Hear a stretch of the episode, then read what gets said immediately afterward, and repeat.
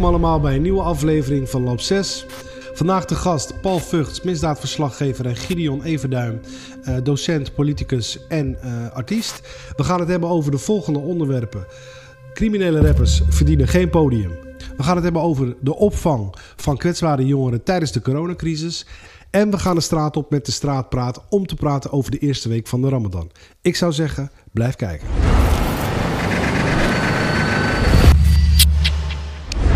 Welkom allemaal bij een nieuwe aflevering van Lab 6. We hebben vandaag twee bijzondere gasten aan tafel. Uh, Paul Vugs, misdaadverslaggever. Uh, en we hebben Gideon Everduim, docent, politicus en artiest. Uh, we beginnen met Paul. Paul, welkom. Gideon ook welkom. nou ja, Paul, je bent jarenlang actief als misdaadjournalist. vorig jaar is een veelbewogen jaar voor je geweest. Um, kan je daar wat meer over vertellen, zodat de jongeren je wat beter leren kennen? Uh, het, was, het is iets langer trouwens, uh, 2017 uh, geleden begonnen. Uh, toen heb ik een tijd in de beveiliging gezeten, omdat er een motorbedrijf voor mij was afgegeven.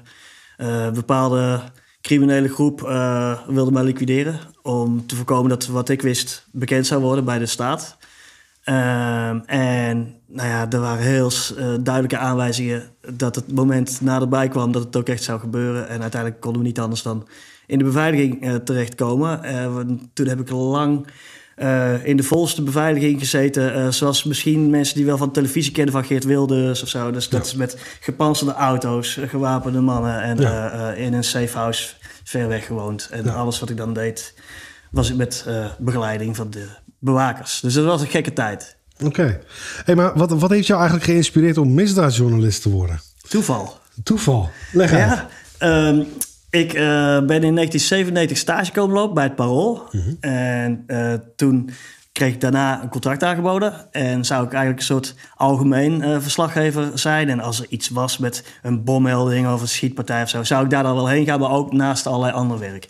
En het Parool had een, toen al heel lang een hele goede misdaadverslaggever, Bart Middelburg. Ja. En die was het al echt... Die had een, een enorme staat van dienst opgebouwd... maar die wilde eigenlijk een stapje terug op een moment toen ben ik wat meer met hem gaan doen. En in die tijd, 99, 2000, waren er ook een aantal liquidaties uh, kort na elkaar. Uh, waardoor ik eigenlijk fulltime in de praktijk misdaadverslaggever werd. En dat ben ik toen gebleven. Ja, met alle gevolgen van die. Uh... Met alle gevolgen van die. Ja, maar het is wel meer dan. Kijk, ik vind het ook wel gewoon belangrijk werk. Snap ja, je? Ik vind ja. dat zeker een Amsterdams medium als het Parool. Ja. Moet gewoon aandacht hebben voor misdaad. Zeker omdat als die het moment bereikt dat er met Kalashnikovs in woonwijken wordt geschoten. Dat ja. jongens van begin 20 uh, ineens al doodgeschoten worden of juist ja. veroordeeld worden. Soms tot hele lange straffen, tot ook levenslang, omdat ze uh, in de liquidaties verwikkeld raken. Dat is gewoon een heel belangrijk thema. En uh, zeker heb ik ook veel aandacht voor jongeren en jongeren in de misdaad. Hoe dat kan, waarom het gebeurt en wat eraan te doen zou ja. zijn.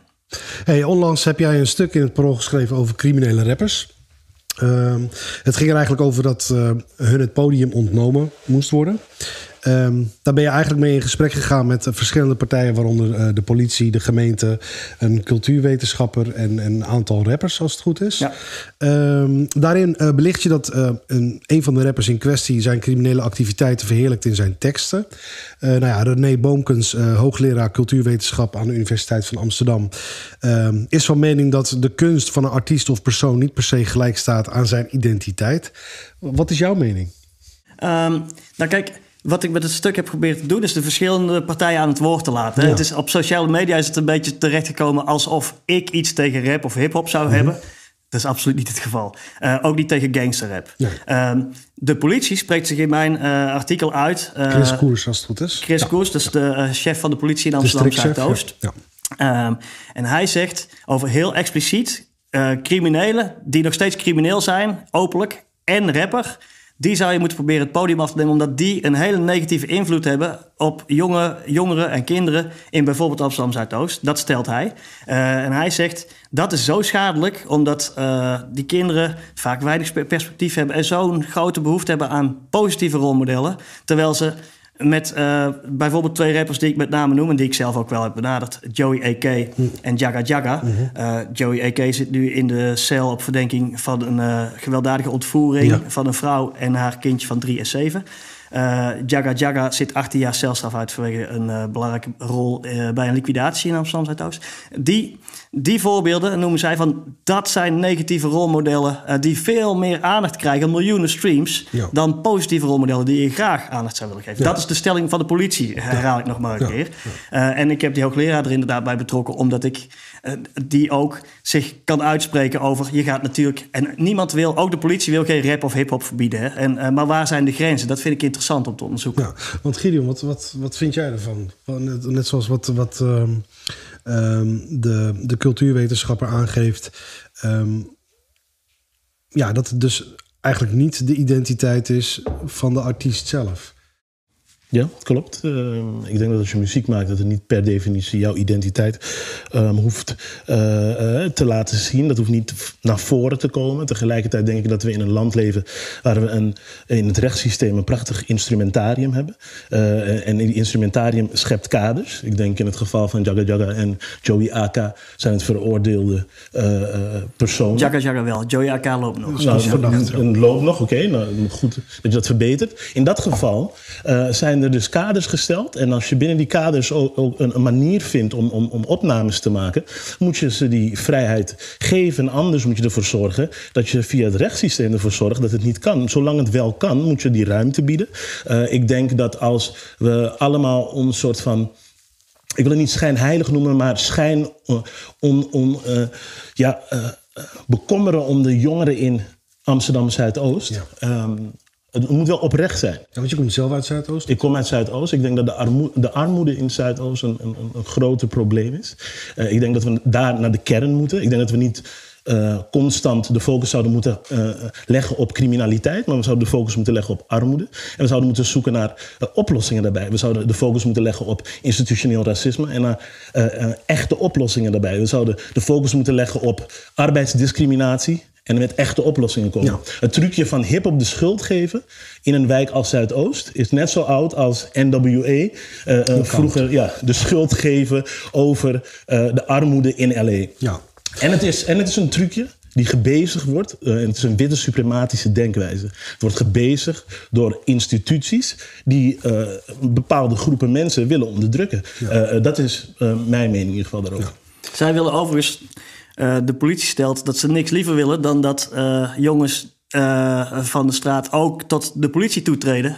juist om een multiculturele korps ook te, te hebben. Dat zeggen ja, ze er ook maar dat is, dat, dat, is flauw van de politie. Ja. De politie is eigenlijk de katalysator van de relatie met de burger in Amsterdam Zuidoost. De politie heeft in 2009 zijn ze intensief gestart met preventief fouilleren. Het preventief fouilleren heeft een heel slecht uh, effect gehad op de relatie met de burger.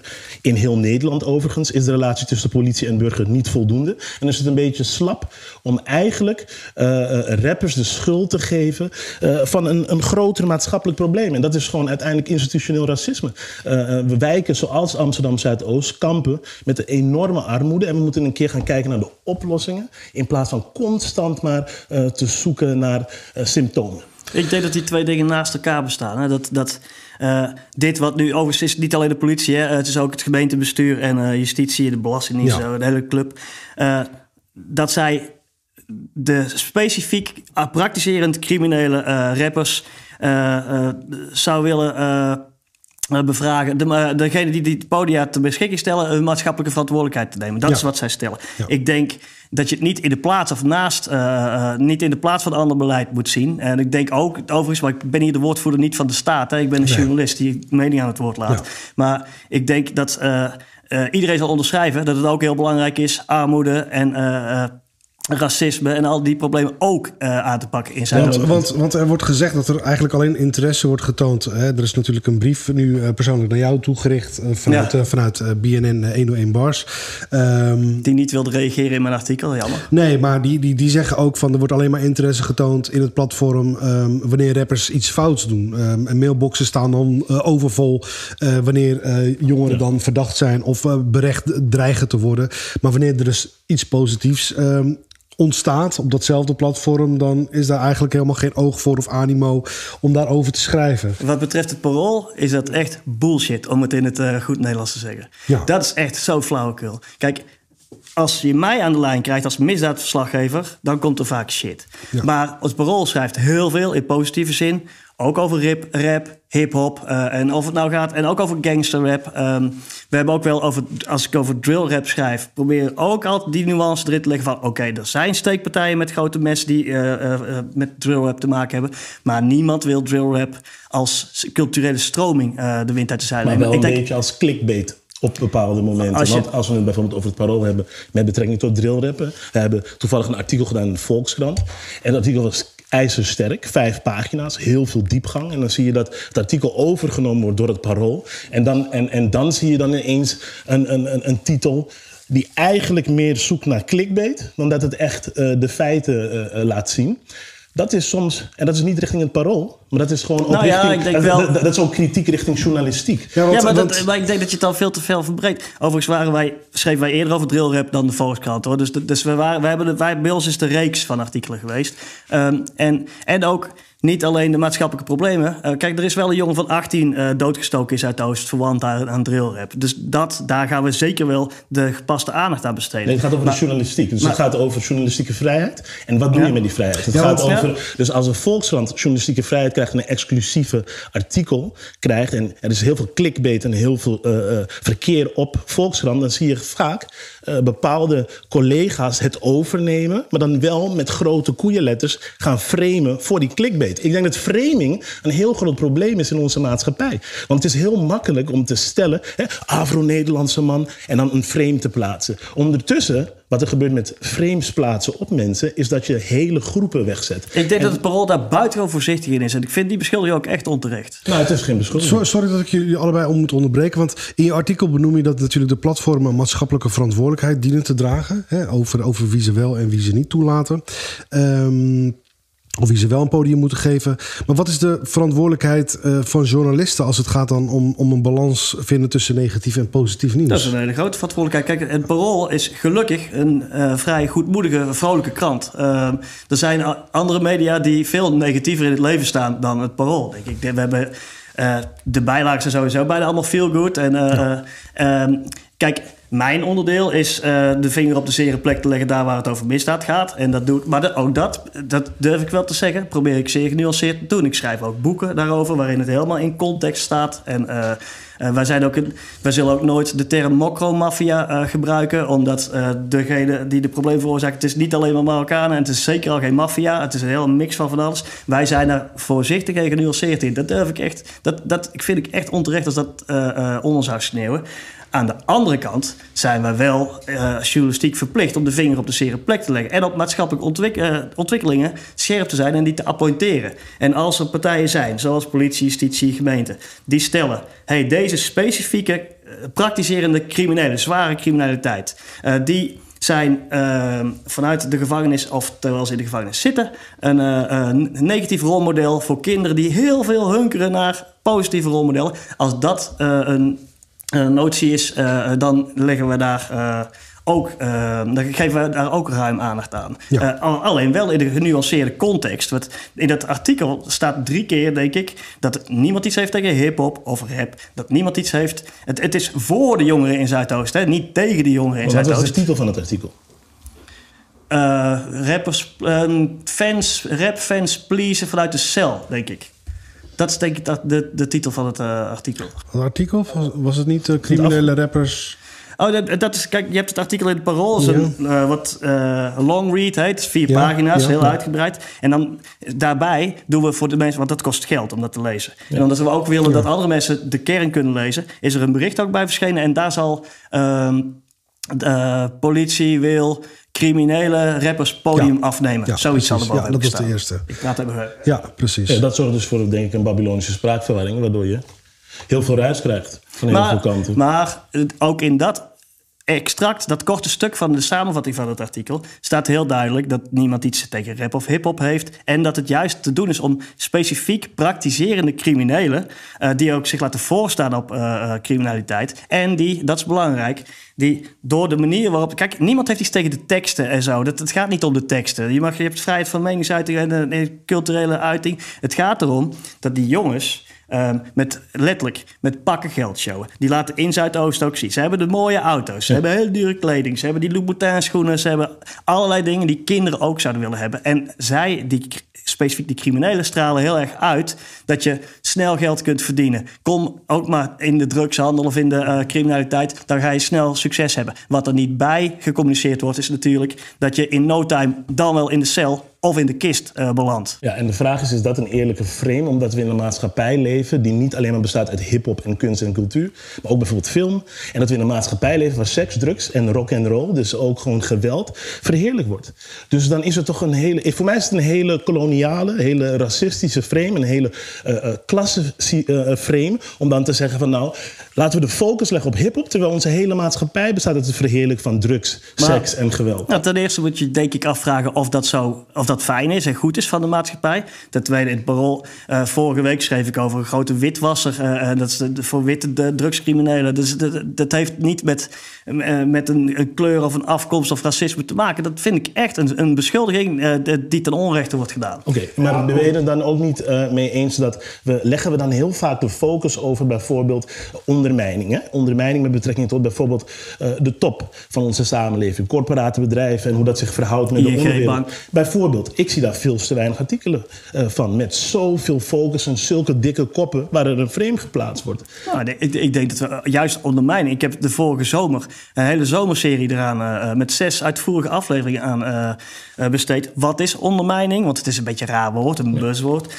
wie wordt er door getroffen? Hoe maakt het de gewone Amsterdammer uit? En dat gaat bijna allemaal over wat je corporate noemt. En uh, uh, dat was bijna allemaal over witte mensen die, uh, die in de fout gaan. En ook de faciliterers. Bijvoorbeeld mensen die onroerend goed expres aan criminele organisaties die auto's regelen met verborgen ruimtes erin. Ben je niet van mening dat we daar veel meer de focus op moeten maar ik leg daar heel veel focus op. En eigenlijk bijna overdreven veel focus moet leggen. Omdat dat eigenlijk de kop is van die samenleving die maakt dat de onderkant volledig verrot is? Ik denk dat we... Um, evenredig journalistiek aan de problemen uh, aandacht moeten besteden. En vooral, en dat mag niet ondergeschikt raken, ja. voor, ten behoeve van ten faveur van de kinderen in Amsterdam Zuidoost, de kinderen en jongeren in Amsterdam West, in, uh, in, in moeilijke wijken waar, veel, waar al veel problemen zijn. Wij willen, we nemen het voor die kinderen op hè, ja. door de vinger op de zere plek te leggen. We zijn, niet die, die, we zijn het juist niet aan het uh, af. Uh, vind, je dat, vind je dat evenredig gebeuren? Ik vind, nou, ik vind het we goed ons best daar. Uh, ja, dat, ik, ik vind dat in het parool, ik spreek alleen voor het parool, hè, uh -huh.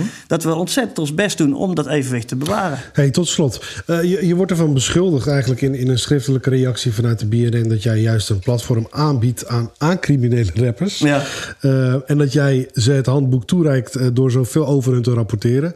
Uh, dat is wel een statement. Uh, ja, dat is een statement. Wat, wat en uh, kijk, ik denk dat het mijn taak is te, te beschrijven wat er achter die wereld zit, waarin met Kalashnikovs overdag op straat wordt geschoten, waarin de verkeerde mensen worden uh, vermoord. Ik denk dat het journalistiek interessant is en ik kan iedereen beloven dat ik daar niet rijk van word of zo. Nee. Kijk, en in mijn boeken werk ik dat verder uit. En vooral de vraag, hoe kan het dat jonge kinderen, en nog vlak voor ze volwassen, nog voor ze echt volwassen zijn, al in de cel belanden of... Uh, uh, en vaak zijn het uit de, de moeilijkere wijken, hè, de, die jongens die het slachtoffer daarvan zijn. Ja. Hè? Want als jij wordt geliquideerd, ben je, of als je in de cel zit voor heel lang voor het plegen van de liquidatie, ben je in mijn ogen ook een slachtoffer van, van een heel mechanisme. Hm. Maar gaat natuurlijk niet goed praten als jij drie keer een sigarenboer overvalt en daarna iemand doodschiet bij een klootzak. Ook hè, laten we weer eerlijk wezen. Alleen, ik probeer ook de achterliggende structuren. Uh, ja. te, dus ik vind dat het mijn taak is om dat te beschrijven. En, maar als gezegd wordt dat ik het verheerlijk, dan denk ik niet dat ze mijn boeken hebben gelezen. Zoals uh, een alleen Bars, dat was ook grappig. Die willen dus niet reageren in mijn artikel, ja. want het wordt vast negatief. Vervolgens,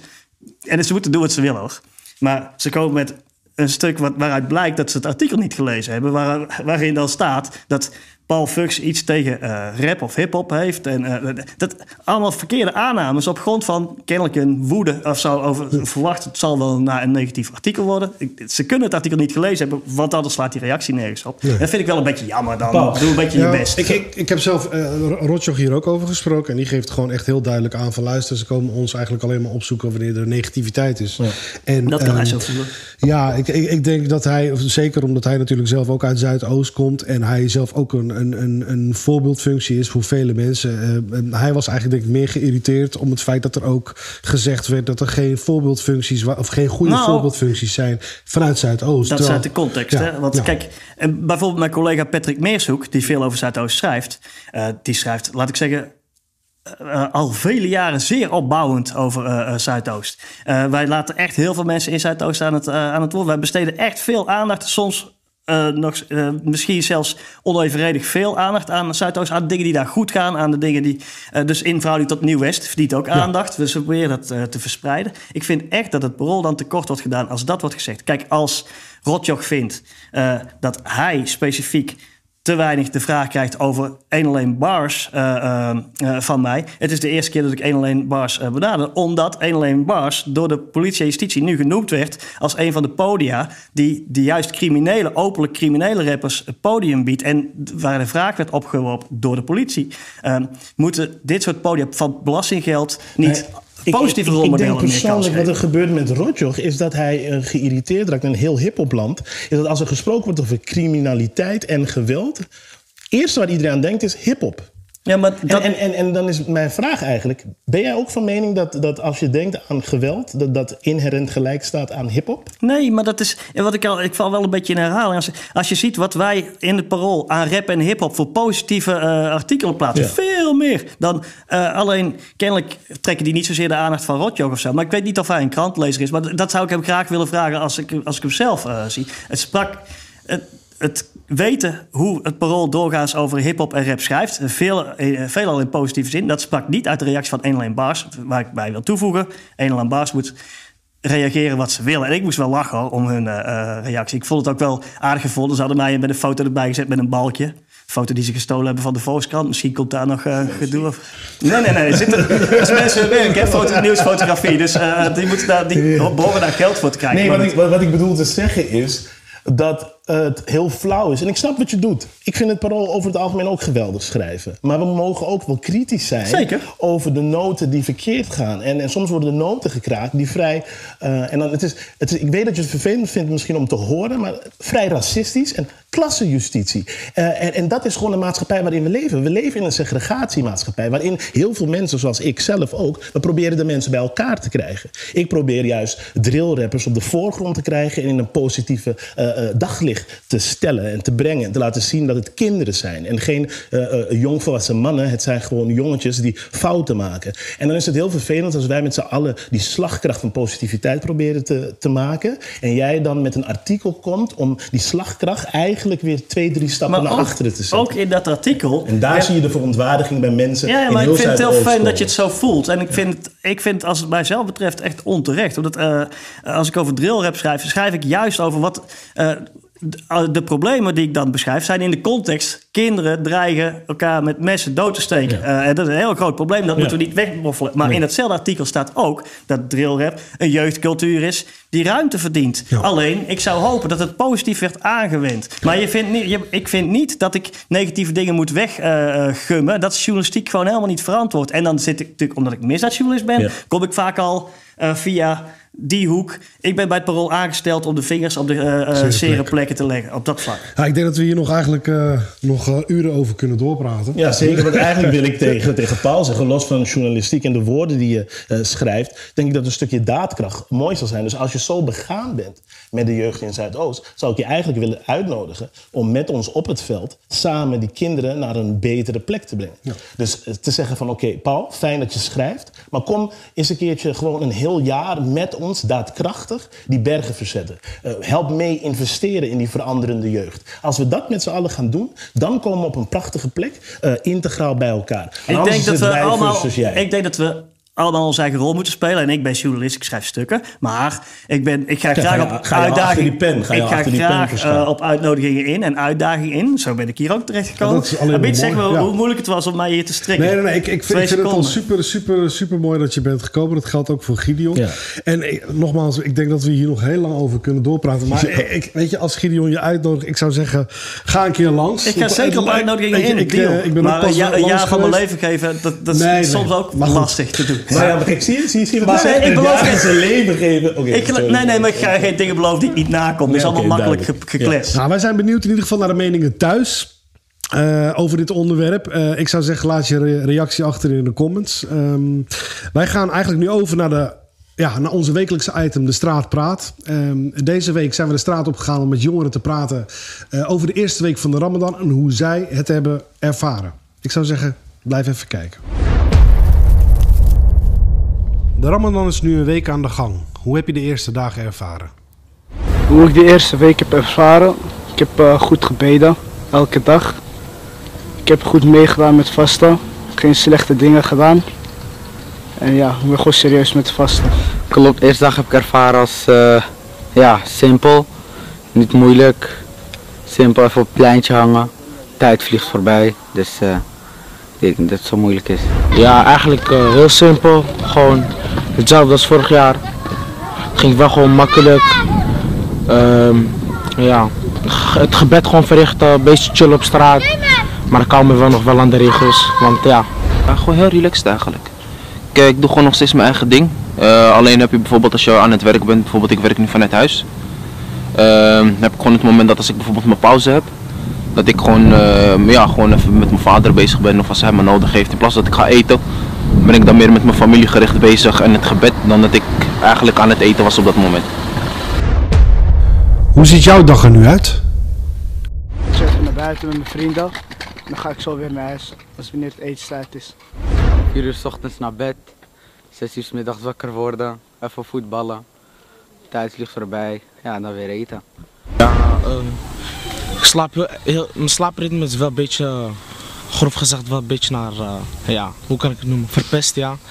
Ik slaap wel echt heel erg laat. Ik word heel laat wakker. Als ik wakker word, loop ik vaak naar het pleintje. Even met de jongens chillen, voetballen soms. Maar we houden, wel- we, houden, we, houden wel, we houden ons wel aan de regels.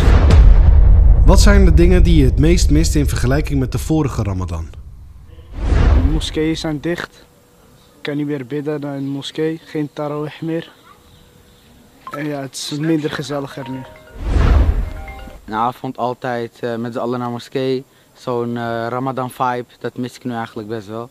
Wel, eh, Ja, het gebed sowieso. Want eh, de moskeeën zijn dicht, we kunnen niet meer bidden. Het is de gezelligheid die je wat meer hebt vanwege het coronavirus nu. Ben je een beetje beperkt in jouw doen en laten en de mensen met wie je omringd bent. Dus ja, dat is wel iets wat ik het meest mis op dit moment hier. Heb jij een positieve boodschap aan de jongeren die ook aan het vasten zijn? Ja, goed je best doen. Niet stiekem eten. en ja, goed mee bidden. Eh, blijven bidden, blijven doorgaan. En eh, voordat je weet is het voorbij. Blijf eh, het gebed verrichten. Deze, deze maand is heel heilig voor ons. Dus eh, voordat het te laat is, doe gewoon je ding. Dat was de Straatpraat. Ehm nou, we zitten nog steeds met, eh, met gasten aan tafel. eh, ehm, eh, Paul Vught en Gideon. Gideon, ja, ehm, je bent docent, politicus, artiest en vader. Ja. Hoe combineer je deze verschillende rollen nu met deze coronacrisis? Ja, bij mij gaat alles gewoon door. Ja. Eh, bij ons is het, eh, ja, mijn vrouw, ikzelf, we zijn gewoon hardwerkende mensen. Eh, hard voor de community. Dus wij gaan gewoon keihard door. Om- momenteel ben ik bezig samen op het Bindelmeer College. Mijn vrouw en ik hebben een stichting FAIES. Eh, we hebben een samenwerking met het Bindelmeer College. Daar hebben we een co-klas. Dat is een speciale klas tijdens corona... waarin we kwetsbare jongeren opvangen. Ja. En dat is een gigantische succes. En dat geeft ook een enorme drive. Dat je Ja. tijdens corona eh, iets terug kan doen eh, eh, voor, de mensen. Dus we hebben enerzijds onderwijs Ja. op een etage. En andere kant van, van, van, van de etage heb je recreatie. Want ik, ik, ik, ik, wat- ik, moet daar wel even op reageren. Ik was een aantal weken geleden was ik bij je en, en ik zag jullie druk ja, een soort van verhuizen. En ik zei nog tegen je van zijn jullie aan het verhuizen nu met de coronamaatregel? En toen zei je tegen mij nee, wij zijn bezig met, ehm, met opvang voor jongeren. En Ja. eigenlijk viel mijn bek open omdat ja, het is toch bijzonder. Hè? Zeker vanuit het Bindelmeer College, wat vaak ook in het negatief daglicht staat. Eh, nou, toen sprak je er eigenlijk over van luister, eh, wij, wij zijn hier eigenlijk ook voor de opvang voor kwetsbare jongeren. Kun je daar wat meer over vertellen? Ja, wij, wij merkten heel gauw in het begin van de coronacrisis ehm, dat eh, onderwijs eh, werd specialistisch. Het werd op afstand eh, bediend. En dan kom je er toch achter dat sommige kinderen eh, geen laptop hebben. Of thuis met één laptop. eh, er moeten vier mensen achter één laptop. En die moeten allemaal hun werk doen. Nou, dan krijg je veel frustratie. Eh, en die frustratie kwam bij ons terecht. En, en toen dachten we, we moeten iets gaan doen. En toen hebben we dus eh, de co-klas hebben we geschreven. Toen hebben we contact opgenomen met Centrale Stad. Daar gingen twee weken overheen. Maar wij startten al meteen met die co-klas. Omdat we wel voelden dat er eh, animo... En het was gewoon nodig. En, en eh, op het moment dat we die derde etage... gewoon heel creatief hadden ingericht... met een, een, een bankstel en een stukje tapijt... en eh, playstations overgeheveld... merkte je gewoon dat er eh, heel veel energie loskwam. Eh, en op een gegeven moment haakte ook eh, de gemeente aan. Eh, en, en de rest is eigenlijk gewoon geschiedenis. We hebben een, Want de gemeente ondersteunt het project eigenlijk ook. ja, ja, het is eh, um, um, stadsbreed eh, getrokken. Eh, het samenwerkingsverband eh, heeft dat eh, toen overgenomen en geplaatst op een school in Nieuw-West en een school in Amsterdam-Oost. Ja. Die hebben ons plan gewoon overgenomen. Het is een geweldige samenwerking. Ja, als ik moet denken aan opvang, eh, waar moet ik dan precies aan denken? Aan, aan, de hoeveelheid jongeren? Waar- Wij eh, kunnen maar, eh, we hebben ruimte voor 20 jongeren. Mhm. Per klas vijf leerlingen. En daarop één docent. En dan op de gang hebben we facilitaire medewerkers die dan in de gaten houden dat die RIVM-maatregelen, ja, dus dat, dat, dat, dat die plaatsvinden. Anderhalve meter, dat we dat aanhouden. Ja. Maar het is toch bijzonder. Ik bedoel, het is een, een school wat, wat natuurlijk les geeft eh, voor een specif- tenminste, voor een bepaalde doelgroep. Ja. Maar nu met de coronamaatregel staan er ook jongens dus, en meiden ook buiten. Eh, ehm, zit er ook een verschil in? Dat zie je ook een soort van eh, meer jongens dan meiden? Of Ja, zien eh, me- meer jongens dan meisjes. Maar ook gewoon leerlingen van andere scholen. Hè. We hebben leerlingen van HAVO de Hof. Ja. gewoon van andere scholen die ook naar onze school toe mogen komen. En wat het leuke ervan is, dat je eigenlijk onderwijs soort van vernieuwt of zo. Ja. Je krijgt een meisje die normaliter HAVO doet op een school. En die vindt het gewoon super gezellig met ons. En we hebben ook een hele jonge team van hele leuke docenten. En ik denk bijna dat voor haar nu vakantie op school is. En dat als ze terug gaat naar, naar haar eigenlijke school. school, dat ze gewoon denkt van eh, ik wil eigenlijk terug naar BMC. Ja. Dus het is wel heel mooi van integraal samenkomen, ook met organisaties. We hebben hele toffe partners. eh, de MADI, eh, ehm, we hebben uh, Swassoom, eh Pebazo, met Ja. wie we integraal eh, samen optrekken. En normaliter staan dit soort organisaties best wel ver uit elkaar, sommige met elkaar. En nu zie je echt dat corona ervoor zorgt dat we moeten verbinden en de schouders eronder moeten zetten. Ja, dat is eh, in- inderdaad interessant. Wat betreft inhoudelijk, hè, als je kijkt naar de problematiek onder de jongeren. eh, kan je daar wat meer over vertellen? Is, is dat, bedoel, ze, komen naar een. Ja. Van, wat is de reden precies?